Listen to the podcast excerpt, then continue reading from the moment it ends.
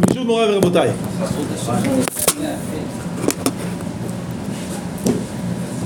החיזוק שלנו השבוע, אני רוצה לחזק את חוסר ההתמדה. וואי וואי. מה הפשט? זה כמובן אה, מצד האמת, אנחנו תמיד מחזקים את ההתמדה. אתם יודעים כסדרה, תדיר ושאינו תדיר תדיר קודם, חשוב להתמיד, הקביעות, תמיד אה, מזכירים את זה שכאשר אה, אדם אחרי 120 מגיע לבית דין של מעלה, שואלים אותו שש שאלות, ואחת מהם שואלים אותו, האם קבעת עיתים לתורה? לא שואלים אותו כמה תורה למדת. אחד המרבה ואחד הממית, ובלבד שכוון ליבו לשמיים. אבל כן שואלים, האם קבעת? האם זה היה יסוד קבוע? אבל, אני רוצה היום לדבר בשבח חוסר ההתמדה. לא שאני רוצה לעודד אתכם לא להתמיד, אלא שבעל כורחנו, כנראה, כנראה לכל אחד, יצא הזדמנויות שהוא לא יוכל להגיע. כנראה זה יהיה לכל אחד. אני אומר את זה במיוחד שעכשיו אנחנו נכנסים לעונה של אה, יולי-אוגוסט למניין אה, טעותם. מה יש לרב שבוע הבא?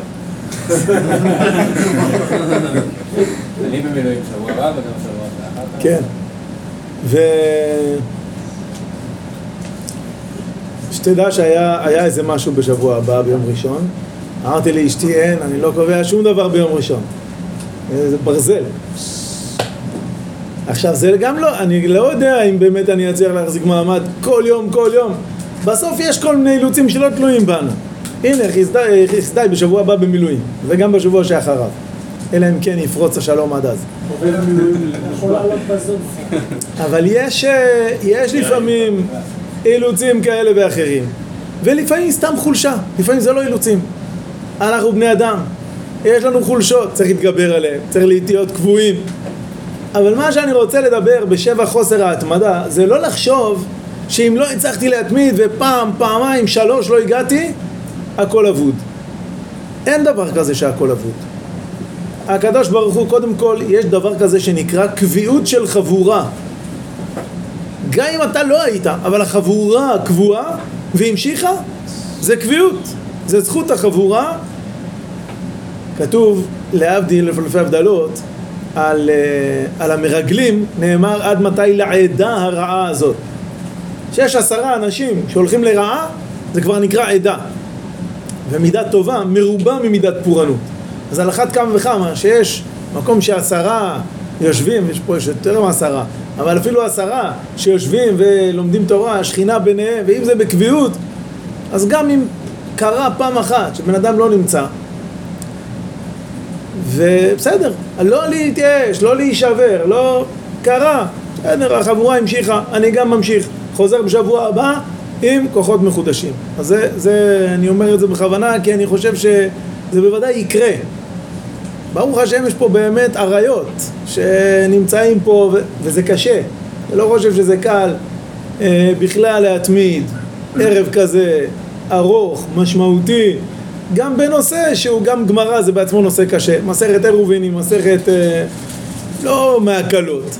וההתמדה פה היא קשה. וממש, אני אומר לכם שאני כל שבוע מחדש בא לפה ואני מתמלא בהערכה. ממש אריות. אבל גם אריות לפעמים אה, נרדמים. עובדה, כל פעם שאתה בא לגן חיות אתה רואה אותם ישנים. אז אם כן, זה היה בשביל לפתוח גם במילתא דחיזוק וגם במילתא דבדיחותא ועכשיו אה, נעבור לסוגייתנו, ברשותכם. נתחיל כהרגלנו ממה היה לנו היום בסוגיה ואחר כך שאלות ואחר כך אה, קצת לעיין בדברים. קודם כל, מה היה לנו היום בסוגיה?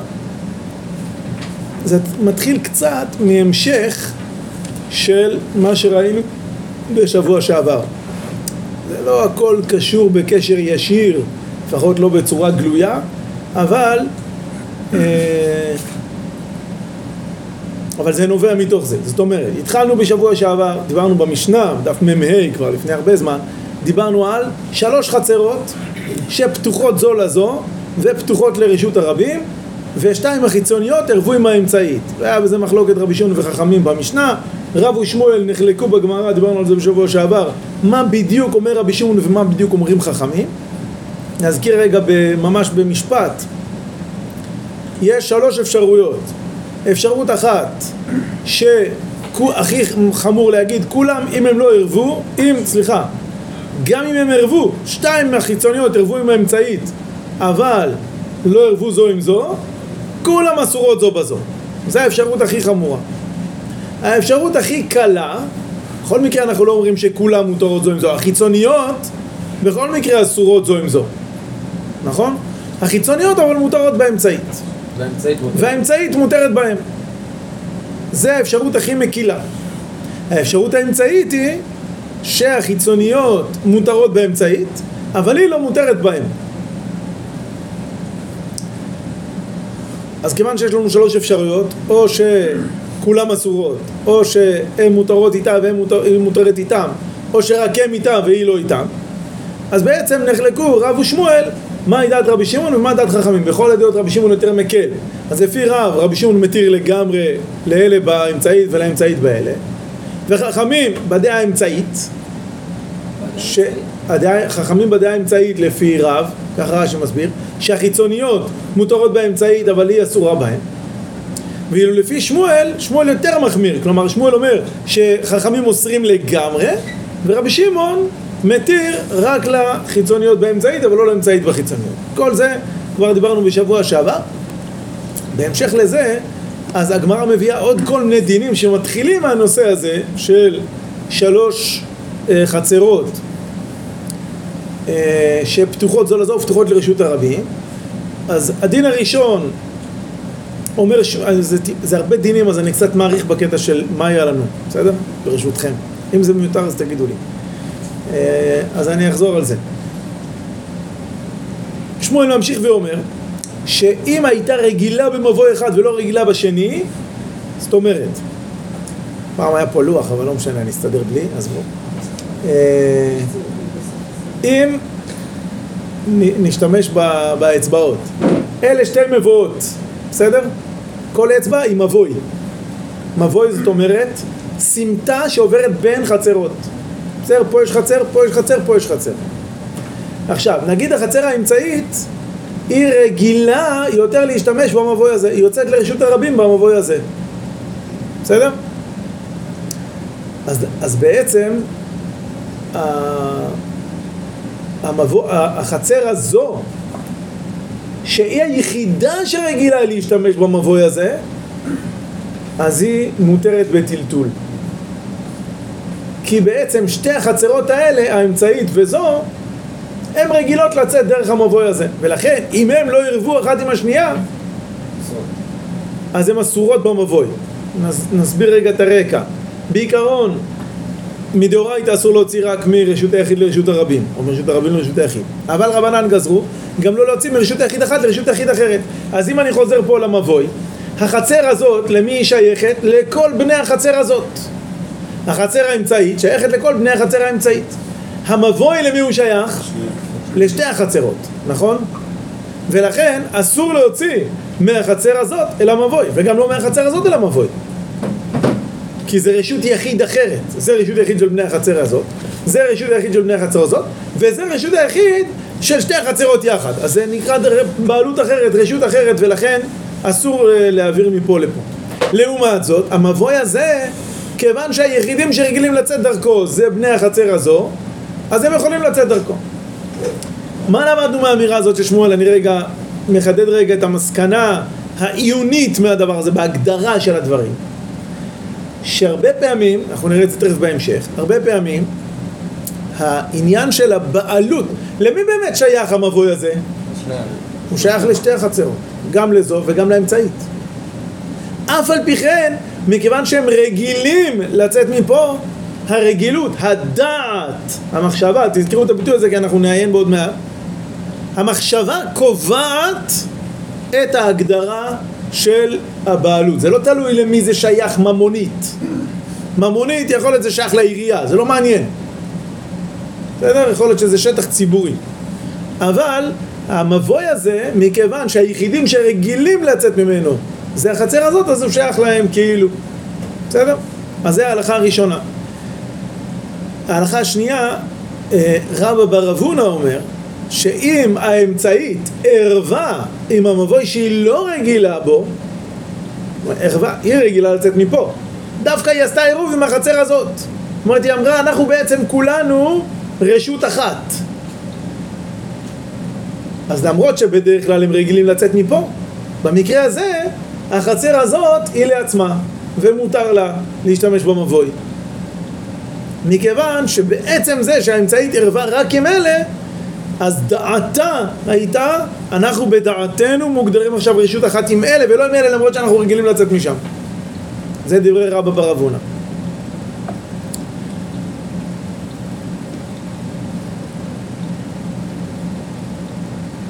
יש פה עוד דין של קופים על מידת סדום, זה כבר עוד איזה קומה שאנחנו לא נספיק לעיין בה היום, אבל אני אגיד אותה בכל זאת. רבא בר אבונה אומר בשם שמואל, שאם, שוב, יש פה את החצר האמצעית שרגילה לצאת מפה. ונקדים ונאמר, גם בתוך החצר צריך לעשות עירוב. למה? כי גם בתוך החצר, נגיד, בחצר האמצעית יכול להיות יש ארבע משפחות באותה חצר. אז כל אחד יש לו את הבית שלו שהוא רק שלו, ואת החצר של כל ארבע משפחות. אז הם עשו, נגיד הם לא עשו עירוב. אלה לא עשו עירוב, אלה לא עשו, לא אחד עם השני ולא בתוך עצמם. ורק אלה, החצר הזאת, עשו עירוב אחד עם, אחד עם השני בתוך עצמם. בסדר?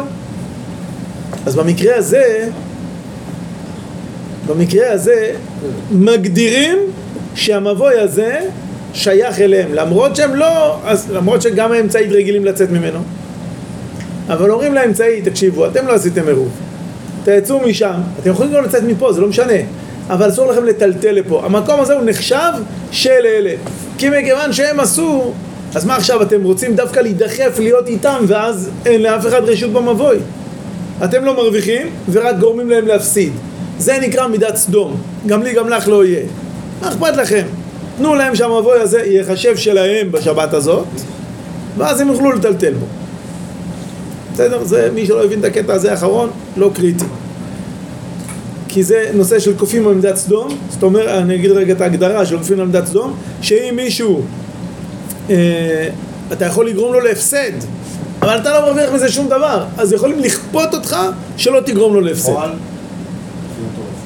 מחלוקת ראשונים, האם כופים אותם בפועל, אה, הריטב"א כי כאילו פה לא... במילא הוא לא יכול לצאת. רבנו יונתן מילוני אומר בתחילת המסכת דף ב' עמוד א' מדפי הריף שכופים אותם ממש שלא לעבור בה. החצר האמצעית רגילים לצאת מפה. השבת אתם לא יוצאים מפה. רק משם תצאו. וכך פסקו להלכה המגן אברהם בסימן שס"ד סעיף ג' והמשנה ברורה בסימן שפ"ו סעיף נ"ח. סעיף קטן נ"ח. פסקו ככה להלכה. יחד עם זאת, זה... זה המשמעות, כופים את סדום. למרות זאת, הריטב"א אומר לא שכופים אותם. מותר להם לצאת מפה. אסור להם לטלטל פה כמובן, כי הם לא עשו עירוב. ממילא אסור. אסור להם גם בחצר של עצמם לטלטל, כי הם לא עשו אפילו עירוב עם עצמם. אבל מותר להם לצאת, רק שמבחינת הדעת, תסתכלי מה זה כאילו... בהגדרה, זה נחשב שייך לאלה. זאת אומרת, זה נחשב כ... הרי מה המהות של עירוב? בדיוק בסוגיה שלנו יש את הביטוי הזה ששמואל אומר, מה שמו? עירוב שמו. לכן הוא אומר, אנחנו נראה את זה תכף, שבדיוק עכשיו הגענו לשלב הזה בגמרא, שהמקפיד על עירובו אין עירובו עירוב, והחולק את עירובו אין עירובו עירוב. זאת אומרת, הרעיון, מה, מה הרעיון של עירוב? הרעיון של עירוב זה להגיד, אם נגיד אנחנו כולנו גרים בחצר אחת, כל אחד יש לו בית, וכולנו באותו חצר, באותה חצר, ואנחנו עושים עירובי חצרות. אז בכך אנחנו בעצם מגדירים שכולנו רשות אחת, רשות היחיד אחת. תכף נרד לרזולוציה בזה. אבל לכן, בעצם זה משהו בדעת, זה משהו בהגדרה. שבהגדרה אנחנו מגדירים את זה שכולנו רשות אחת. ולכן, לכן, בעצם כאשר יש לנו את שני המבואות והמבוי הזה, כן, הסמטה הזו שבעצם פה יש לנו את החצר הזאת ואלה עשו עירוב אז אומרים לחצר האמצעי, תקשיבו בהגדרה, לפי הריטב"א מותר לכם אפילו לצאת מפה אבל בהגדרה אם אתם עוברים פה עכשיו אתם עוברים כאילו ברשות שלהם מותר לאדם להיכנס לחצר חברו, רק אסור לו לטלטל לשם בסדר? האיסור הוא להעביר חפץ מרשות היחיד אחת לרשות היחיד אחרת. גם אם לא עשינו עירוב, אני יכול לבוא לבקר אצלך בבית וגם לאכול אצלך בבית. אין בעיה. הבעיה היא כאשר אני רוצה לטלטל ממקום למקום. ולכן, לפי הריטב"א אומרים לאמצעי, אתם יכולים לעבור מפה, אבל תדעו שהמבוא הזה מוגדר כחלק מהרשות שלהם. למה? הם עשו עירוב, אז מה אכפת לכם? בואו נתייחס לזה שגם המבוי הוא כאילו רק שלהם, ואז להם יהיה מותר גם לטלטל בעירוב, במבוי. זה משנה, מה יש לכפות פה? מה צריך לשאול אותם? כאילו... ברוך אתה אדוני אלוהינו מלך העולם שהכל נהיה דברו. נחזור עוד מעט למה יש לכפות פה. אמרנו שבדיוק הגענו לשלב הזה שהגמרא אומרת שתי ממרות של שמואל, של רב יהודה אמר שמואל. המקפיד על עירובו אין עירובו עירוב. כלומר, האדם שמקפיד, הרי מה זה עירובו? כל אחד נותן, בעצם כל אחד נותן אה, לחם, נותן אוכל. צריך להיות אה, אוכל בכמות של מזון שתי סעודות אה, לאדם אחד. לא צריך להיות שתי סעודות לכל בני החצר. שתי סעודות של אדם אחד צריך להיות בבית אחד מכל בתי החצר. ומי שמקפיד על עירובו ואומר, אבל אף שאף אחד לא יאכל מהאוכל שאני הבאתי, אז אין עירובו עירוב. ורב יהודה אמר, ממרה שנייה של רב יהודה אמר שמואל, החולק את עירובו אין עירובו עירוב. אפילו אם הוא מרשה להם, אבל הוא, הוא לא סתם לא מרשה, הוא מחלק את זה לכלי אחר. הוא שם את הכלי שלו בכלי נפרד. והגמרא מדייקת שזה רק אם הוא בכוונה, לא אם לא היה מקום בכלי, בסדר. אז כן? לא. אפילו אם הוא מרשה, אפילו אם הוא מרשה, זה עדיין אין עובר. כן, זה מה שהוא אומר? כן, זה תרתי למני. נכון. כשהגמרא אומרת צריכה, אז היא אומרת ששני הדברים צריכים להגיד, נכון. אבל אבל אם זה עניין של דת, אז מה זה משנה באיזה כלי הוא שם? זה כאילו קצת סותר את זה. כי העניין הוא פה הדת. אז- אוקיי, אז, אז מיד אחר כך הגמרא מביאה אה, מחלוקת בין שמואל לבין רבא. שמואל אומר עירוב משום קניין, ורבא אומר עירוב משום דירה. מה משמעות הדבר? ששמואל אומר שבעצם בתמורה לפת שמניחים אצלו, אצל, יש בית אחד שאצלו מניחים את, ה, את המזון הזה, מזון שתי סעודות. בתמורה למזון שכולם מניחים אצלו, הוא מקנה להם שייכות בביתו. בבית הזה. ולכן בעצם יש בית אחד שהוא שייך קניינית לכולם, עירוב משום קניין. העירוב, הבית הזה מוקנה לכולם, ומכוח הבית הזה, אז בעצם כל הבתים כולם שבחצר או שבמבוי, הכל טפל אליו והכל נחשב כרשות אחת של קניין אחד. זה דעת שמואל. רבא אומר עירוב משום דירה, לא שהוא מקנה להם, אלא שהוא בעצם אומר ש... אה, גרים אצלו. שהם כאילו גרים אצלו, כן. אתה יכול לגור אצל מישהו גם אם זה לא שלך הבית, כן? אתה מתארח אצלו בשבת, גר אצלו, ישן אצלו, אוכל אצלו, אתה מתארח אצלו, אז אתה דר אצלו, אז זה נחשב כרשות אחת. מספיק אוכל. מספיק באוכל. כן. נכון. התכוונתי שדירה, גם אם אתה אפילו ישן אצלו, זה, זה עדיין לא קניין. אבל בעירוב בוודאי מספיק, אה, מספיק אה, לשים אוכל, כן. טוב, אה, מאי ביניו, הגמרא מביאה שלוש נפקמינות, בין אה, האם זה משום, אה, משום דירה או משום קניין, והלכה כרבי שמעון. זה פחות או יותר המבנה של הסוגיה שלנו. הארכנו בזה היום. ועכשיו, אם יש לכם שאלות על הסוגיה.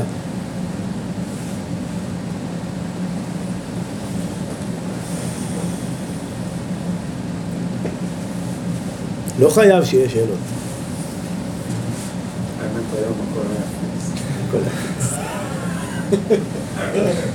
אני לא כל כך מבין האמת איך זה מצד אחד אומרים שזה עניין של דת, אבל מצד שני אומרים שאם זה בשתי כלים שונים אז זה לא דת. אם זה דת אז זה לא משנה באיזה כלי. זה עניין של שכל, כאילו, בדעה שלי מה אני רוצה לעשות, לא פיזית אם שמתי את זה או לא שמתי. אתה אומר, אם זה עניין של דעת, למה זה תלוי באיזה כלי זה נמצא? מה זה משנה? המקפיד על עירובו אתה כן מבין. כי מקפיד על עירובו, אז הדעת שלו היא נבדלת. אבל אם זה כלי שונה, אז מה זה כזה משנה? אולי זה נוח לו יותר לשים בכלי שונה, כי זה, לא יודע, יותר יפה. יותר, אה, לא יודע. כן. שלא הביא את המסיר, הוא לא רוצה שזה יתערבב עם שאר ה... לא, אבל זה אפשר להגיד... זה פשיטה שזה בסדר. אם הוא הביא סלט קינוע והוא לא רוצה שזה יתערבב עם החמין של אה, המשפחה השנייה, אז למה? לא צריך לשים בסל גדול אחד? לא יודע אם זה קריטי. כמו- לא אבל זה כמו שראינו שהגמרא אומרת שברור שגם לפי בית הלל, אז אם הוא שם את זה בכלי אחר רק בגלל שלא היה מקום, אז זה בסדר. אז גם כאן, אם זה תבשילים שונים, זה דומה ללא היה מקום. זה לא שייך לערבב, לא, אתה לא אמור לערבב. אבל אם הוא יכל לערבב, אבל בכוונה הוציא. כן. הרב, למה לא את האפשרות לעשות אה, מהות? עירוב מהות, במעות. הגמרא אומרת שלמה לא. למאן דאמר, השאלה היא רק על מאן דאמר משום קניין. מי שאומר שהעירוב הוא משום דירה, אז ברור שלא במעות. דירה זה שאתה גר ביחד, אז למשל אתה שם אצלו את האוכל שלך, זה נחשב שאתה גר אצלו. אבל אם אתה משלם לו כסף זה נקרא שאתה גר אצלו? לא. אז על זה זה לא קשה. לפי מי שאומר עירוב משום קניין, אז למה לא בקניין? אז התשובה היא גזרה. שמא יחשבו שהמעה היא העיקר. ואז, כשלא יהיה מעה, אז, אה, אז יחשבו ש... אז לא ישתמשו אז, בכלל. אז, אז יחשבו שאי אפשר בפת. כן. למרות שזה שאלה, למה לא אומרים כן, הפוך? לא. אם לא יהיה פת, יחשבו שאפילו במה אי אפשר. אז- לא, אבל הגמרא אומרת שפת זה הדבר שהכי מצוי ביום שישי. כולם מכינים אוכל לשבת. אז איך יגיעו למצב שכולם יעברו רק במעות ולא יהיה פעם. כי זה קל, מעה זה קל לתת. וזה משהו שגם יכול להישאר שם תמיד. זה לא משהו שאתה צריך כל יום, כל יום שישי לתת מחדש. אז מעה זה פשוט. אז עלולים ל- ל- ל- להשתרש בזה שמעות זה הדבר היחיד ש... זה קניין גם, אז זה יותר שייך מעות, ולחם בכלל לא קשור. דרך אגב, יש תשובה מעניינת בשו"ת חכם צבי, אם אני זוכר נכון. אה,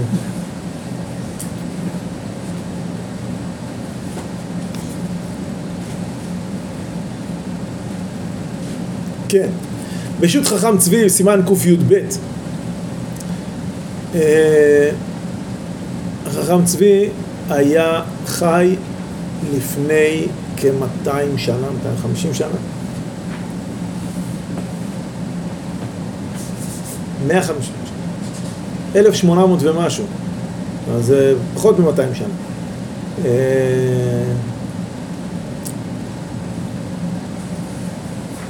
אולי אני טועה, אולי יותר, לא משנה. אני לא זוכר בדיוק מתי הוא חי, חכם צבי. ניסיתי להפגין ידע, אבל לא הלך לי. אה, אז הוא, הוא כותב שהוא הגיע לקהילת אה, המבורג, ושם הנוהל היה שכל בית כנסת עשה עירוב. לכל, מה זה עירוב? כמו שהיום יש במועצה דתית, שאמרתי לכם ששמים מזון להקנות אותו לכל בני העיר, אז כל בית כנסת עשה. מה הבעיה? שזה לא. זה פוגם לחלוטין את העירוב, שכל בן כנסת עשה על כל העיר? כן? למה זה בעיה? כמה עירובים לא. זה החולק את עירובו. זה המשמעות של החולק את עירובו. זאת אומרת, אתה בעצם שם חלק מהעירוב פה, חלק מהעירוב שם, חלק מהעירוב שם, אתה מחלק את העירוב, את המזון, למקומות שונים. כל אחד מוקנה... אבל הכוונה שלהם, צריך לעשות לכל העיר. הכוונה שלהם שזה יהיה לכל העיר. לכל אחד יש חלק פה, חלק פה וחלק אז אמנם הם לא מקפידים, הם לא אומרים, אנחנו לא מסכימים שהקהילה השנייה תבוא לאכול מהאוכל של זה, אבל הם חולקים. אמרנו שני דברים, גם המקפיד על עירובו וגם החולק על עירובו. אבל היום גם יש, אה, היום יש בו מוצא דתי, אתה מכיר עוד? בכנסת של ההורים שלי יש לו בית כנסת. אני מאוד משהו עירוב של... אה, עירוב תחומי? עירוב כעירוב חצרות? מעניין. גם לפי זה כאילו יש את נניח חולון ובת ים, שכל אחד כאילו עושה לעצמו עירוב, אז אפשר כאילו לקדם מפה לפה, למרות שזה באותו... אתה שואל שאלה טובה. יש תשובה לדבר. בעיקרון, הרי יש גם עירובי חצרות ושיתופי מבואות. זאת אומרת, אפשר ששוב נחזור רגע ל... ככה. לשתי המבואות, שיש פה שלוש חצרות, נכון? החצר הזאת יכולה לעשות עירוב חצרות בפני עצמה, וזאת בפני עצמה, וזאת בפני עצמה, ועדיין יכולים גם לעשות שיתופי מבואות של כולם ביחד. לקחת עוד מזון שיהיה שייך לכולם ולשים אותו בבית אחד. אז זה שיש עירוב לאלה ועירוב לאלה ועירוב לאלה, זה לא סותר את העירוב הכללי. זה בהקשר של אה, נגיד חולון לבד ובת ים לבד ותל אביב לבד, ויש גם עירוב שמחובר לכולם ביחד. אבל... אה,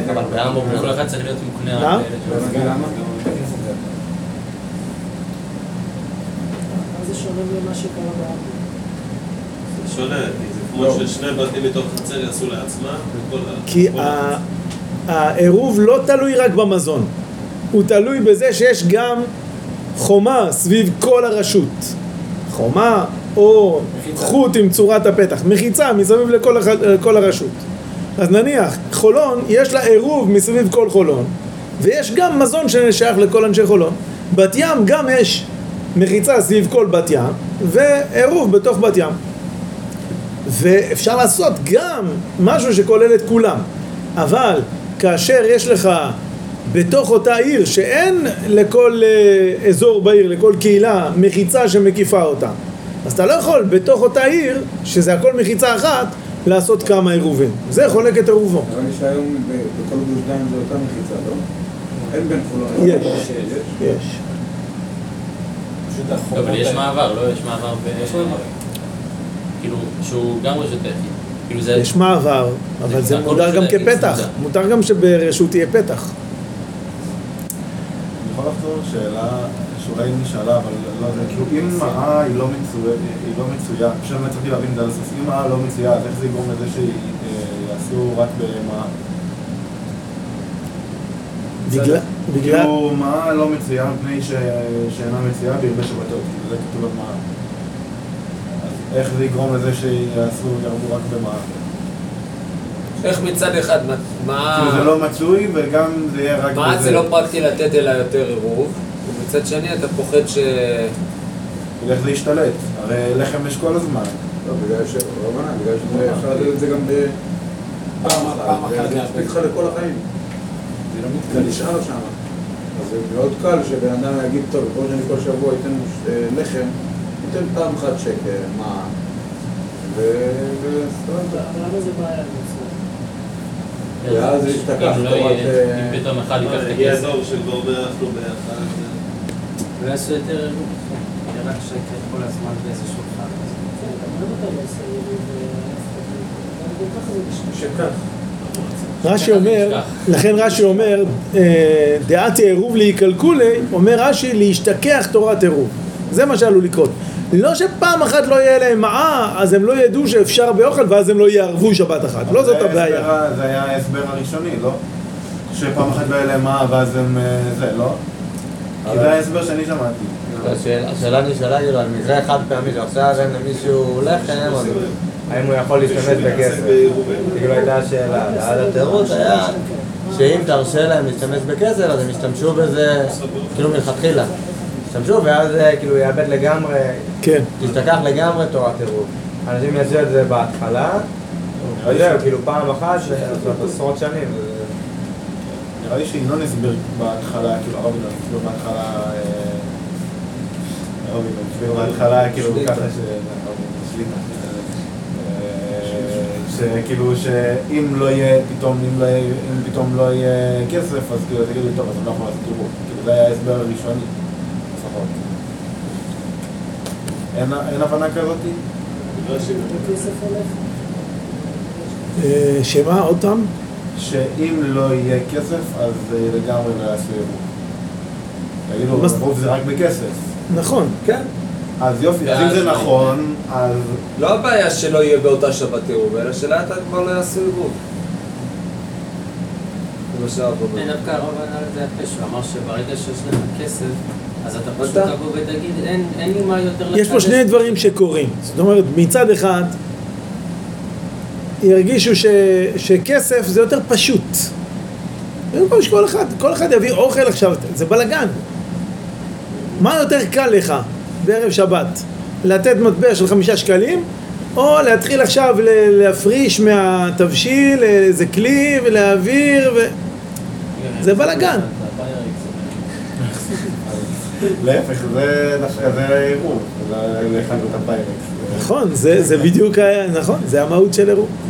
אוקיי, טוב, אני רוצה אה, להתמקד רגע במחלוקת, אה, ב, בהגדרה העקרונית של מה זה עירוב. עירוב משום קניין או עירוב משום דירה. כאשר זה די ברור, הראשונים אה, מדייקים את הדבר הזה, שבעצם גם שמואל חייב להסכים שעירוב הוא משום דירה ולא משום קניין. תוספות מדבר על זה ואומר שבעצם אה, אורן, אורן אמר, אני חושב שאתה אמרת, נכון? אתה שאלת על החולק את עירובו? למה החולק את עירובו הוא בעצם... אה.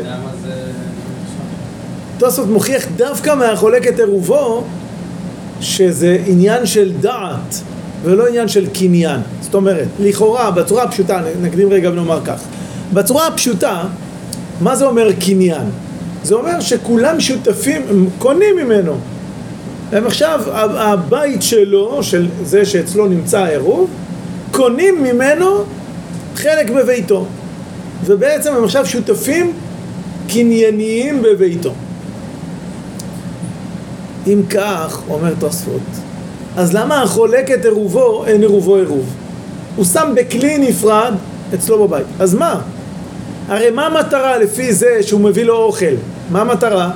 אני משלם לך באוכל, ובתמורה לזה אתה מקנה לי חלק בבית שלך. אז מה זה משנה זה בכלי נפרד? בסוף אנחנו שותפים בבית. אז מה הבעיה? זה עניין אישי עם בעל הבית, קניתי ממך. ולכן, ולכן לא משנה מה הקשר שלי עם העירובים האחרים. נכון, מה זה משנה? אני לא צריך להתחבר, להסתחבק עם כולם. אני מולך, עכשיו זה לא רק שאני מולך, אני באמת גם, גם עם העירוב שלי בכלי נפרד, אני בסוף שותף עם כולכם. שילמתי את חלקי, ואני שותף עם כולם. בדירה. בבית. בדירה, כן, לא באוכל. אבל לא בעירוב. לא באוכל. אבל לפי הסברה, לכאורה, בפשטות. בפשטות, לפי הסברה הזאת של עירוב משום קניין, זה המטרה, שהם יהיו שותפים בדירה. שותפים בבית. לא, כל- לא רוצה לקרוא לזה שותפים בדירה, כי זה מבלבל אותנו עם עירוב משום דירה. עירוב משום דירה, הכוונה היא שהם גרים שם. בסדר? עכשיו, ה- אז תוספות שואל, אם ככה, בעצם לא יכול להיות ששמואל באמת מתכוון שהעירוב הוא משום קניין. כי אם זה עניין של קניין, אז גם החולק את עירובו צריך להיות בסדר גמור. דרך אגב, גם המקפיד על עירובו. אני מקפיד שפלוני לא יאכל מהאוכל שלי. בסדר. לא אמרנו שצריכים להיות שותפים באוכל, צריכים להיות שותפים בבעלות על הבית, בקניין על הבית. אז אם ככה, למרות שבמקביל אתה יכול להגיד, הוא לא הביא את זה עד הסוף. לא יקנה על זה. כן, אם הוא מקפיד גם על בעל הבית, אם הוא. מקפיד שגם בעל הבית לא יאכל, אז זה באמת מובן. כי אה, כל הרעיון הוא שאתה מקנה לו את האוכל ומקבל ממנו זכות קניינית בבניין, בבית. אבל הוא מאבד בעצם את כל העניין של העירוב, שזה הקירוב לבבות שאמרנו בהתחלה. הוא מאבד את זה, הוא אומר, אוקיי, אני... ולכן חייבים להבין שגם שמואל לא אומר ככה באמת. גם שמואל, שמואל הוא זה שאומר פה את, ה, את המשפט על המ- המקפיד על עירובו אין עירובו עירוב, מה שמו? עירוב שמו. כל המהות שלו זה עירוב. זה חיבור של, ה... של האנשים השונים ולהפוך את זה לרשות אחת ולכן זה כן עניין של דעת וזה קשור גם, הוכחנו, גם ראינו את זה, הדגשתי את זה בכוונה בתחילת הלימוד היום, שחזרתי והדגשתי את זה עוד פעם ועוד פעם ועוד פעם, שבכל ההלכות פה על שתי ה... שתי, שני המבואות בין שלושת, שלושת החצרות, שביניהם שתי, שתי, שני המבואות, כן? שכל הזמן אומרים, רגע, אם הם רגילים לצאת מפה, אז הדעת היא שהם איתם, ואלה יכולים בנפרד. אם זה רק עניין של קניין, אז מה זה קשור לדעת? כן, זה קשור לדעת. מדוע? כי זה גם לא באמת קניין. יש פה עוד הוכחה מתוספות, שתוספות שואל לגבי קטן. הרי הגמרא מביאה שלוש נפקמינות בין מאן דאמר קניין לבין מאן דאמר דירה. האם עירוב משום קניין או עירוב משום דירה. והנפקמינות זה כלי ופת פחות משווה פרוטה וקטן. כלומר, אם אני מביא כלי בלי אוכל, רק כלי, אז אם זה משום קניין, הכלי הזה שווה פרוטה. ולכן נתתי כלי, בתמורה לכלי קיבלתי זכות קניינית בבית. הכל בסדר. לעומת זאת מי שאומר שזה משום דירה, אז כל הרעיון הוא שאנחנו שמים את האוכל שלנו ולכן אנחנו נקרא שאנחנו גרים שם. אם אני שם אצלך כלי זה לא נקרא שאני גר אצלך. לעומת זאת אם האוכל שלי לשבת נמצא אצלך, אז זה סוג של מגורים. אז זה הנפקא מינה לעניין כלי. נפקא מינה שנייה, פת פחות משווה פרוטה.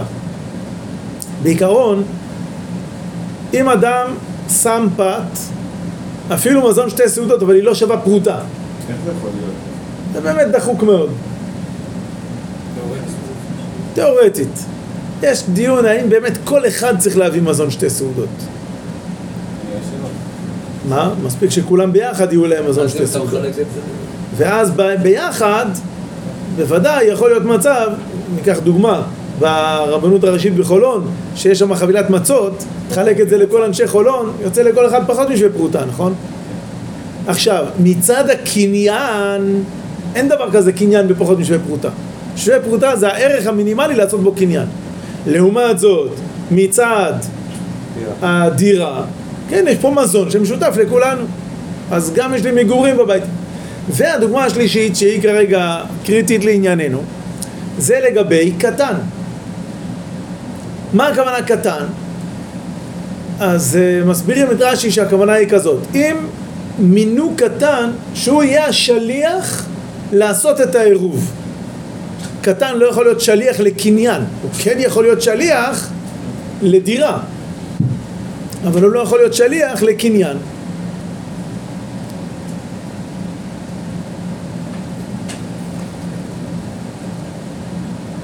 כי אין לו דעה?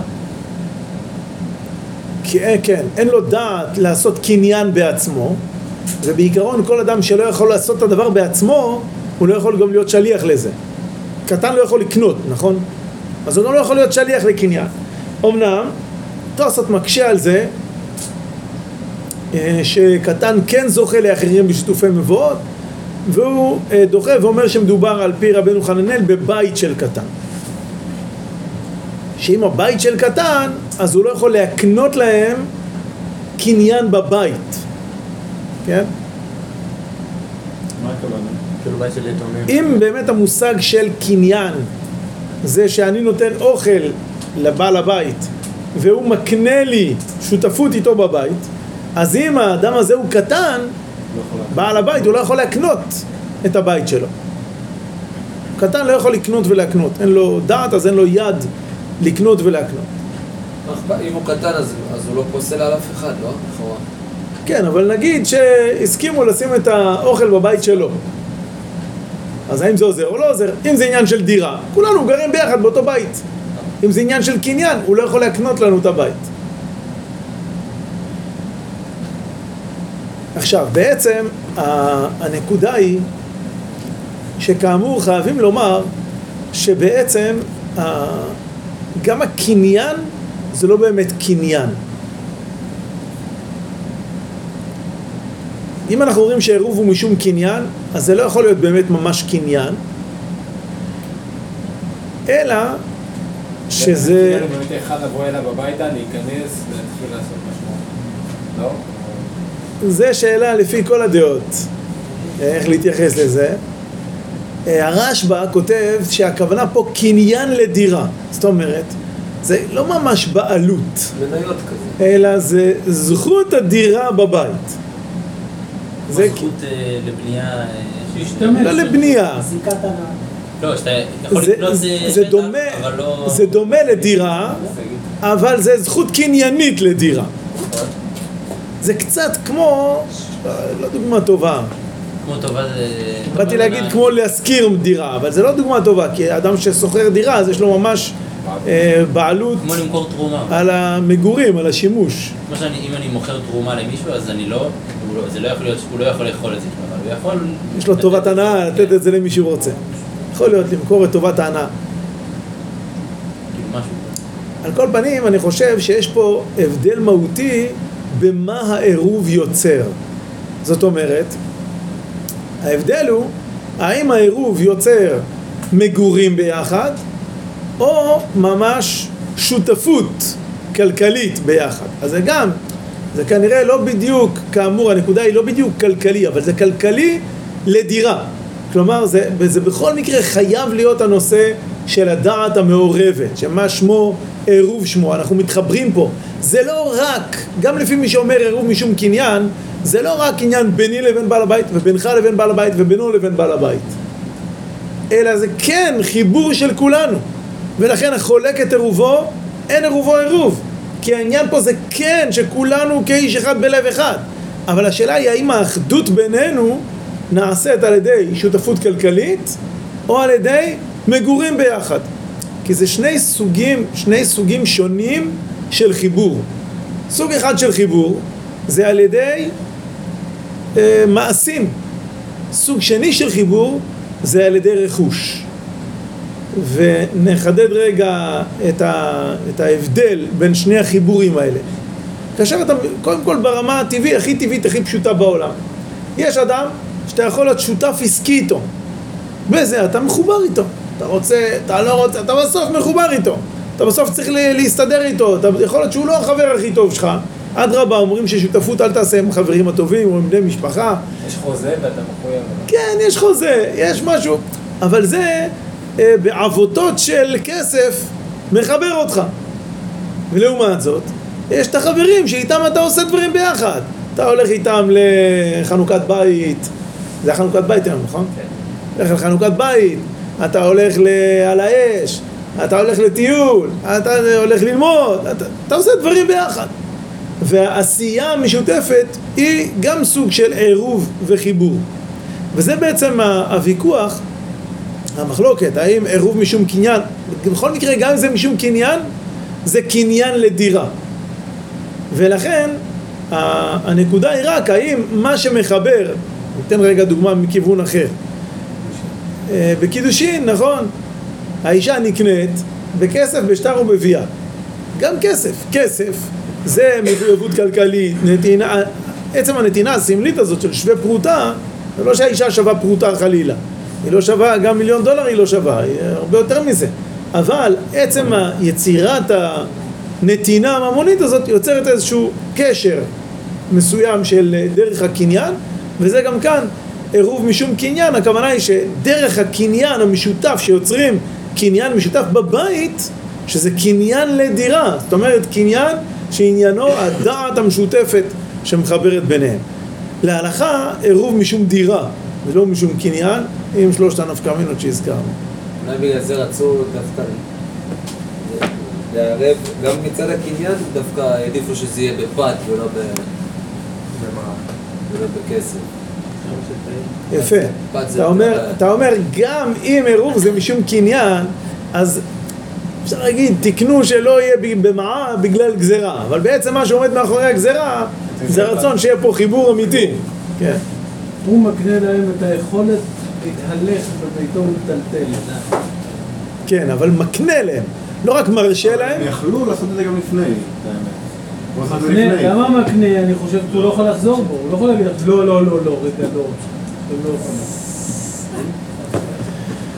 חזקו ואמצו. חזק וברוך הרב, יישר כוח גדול.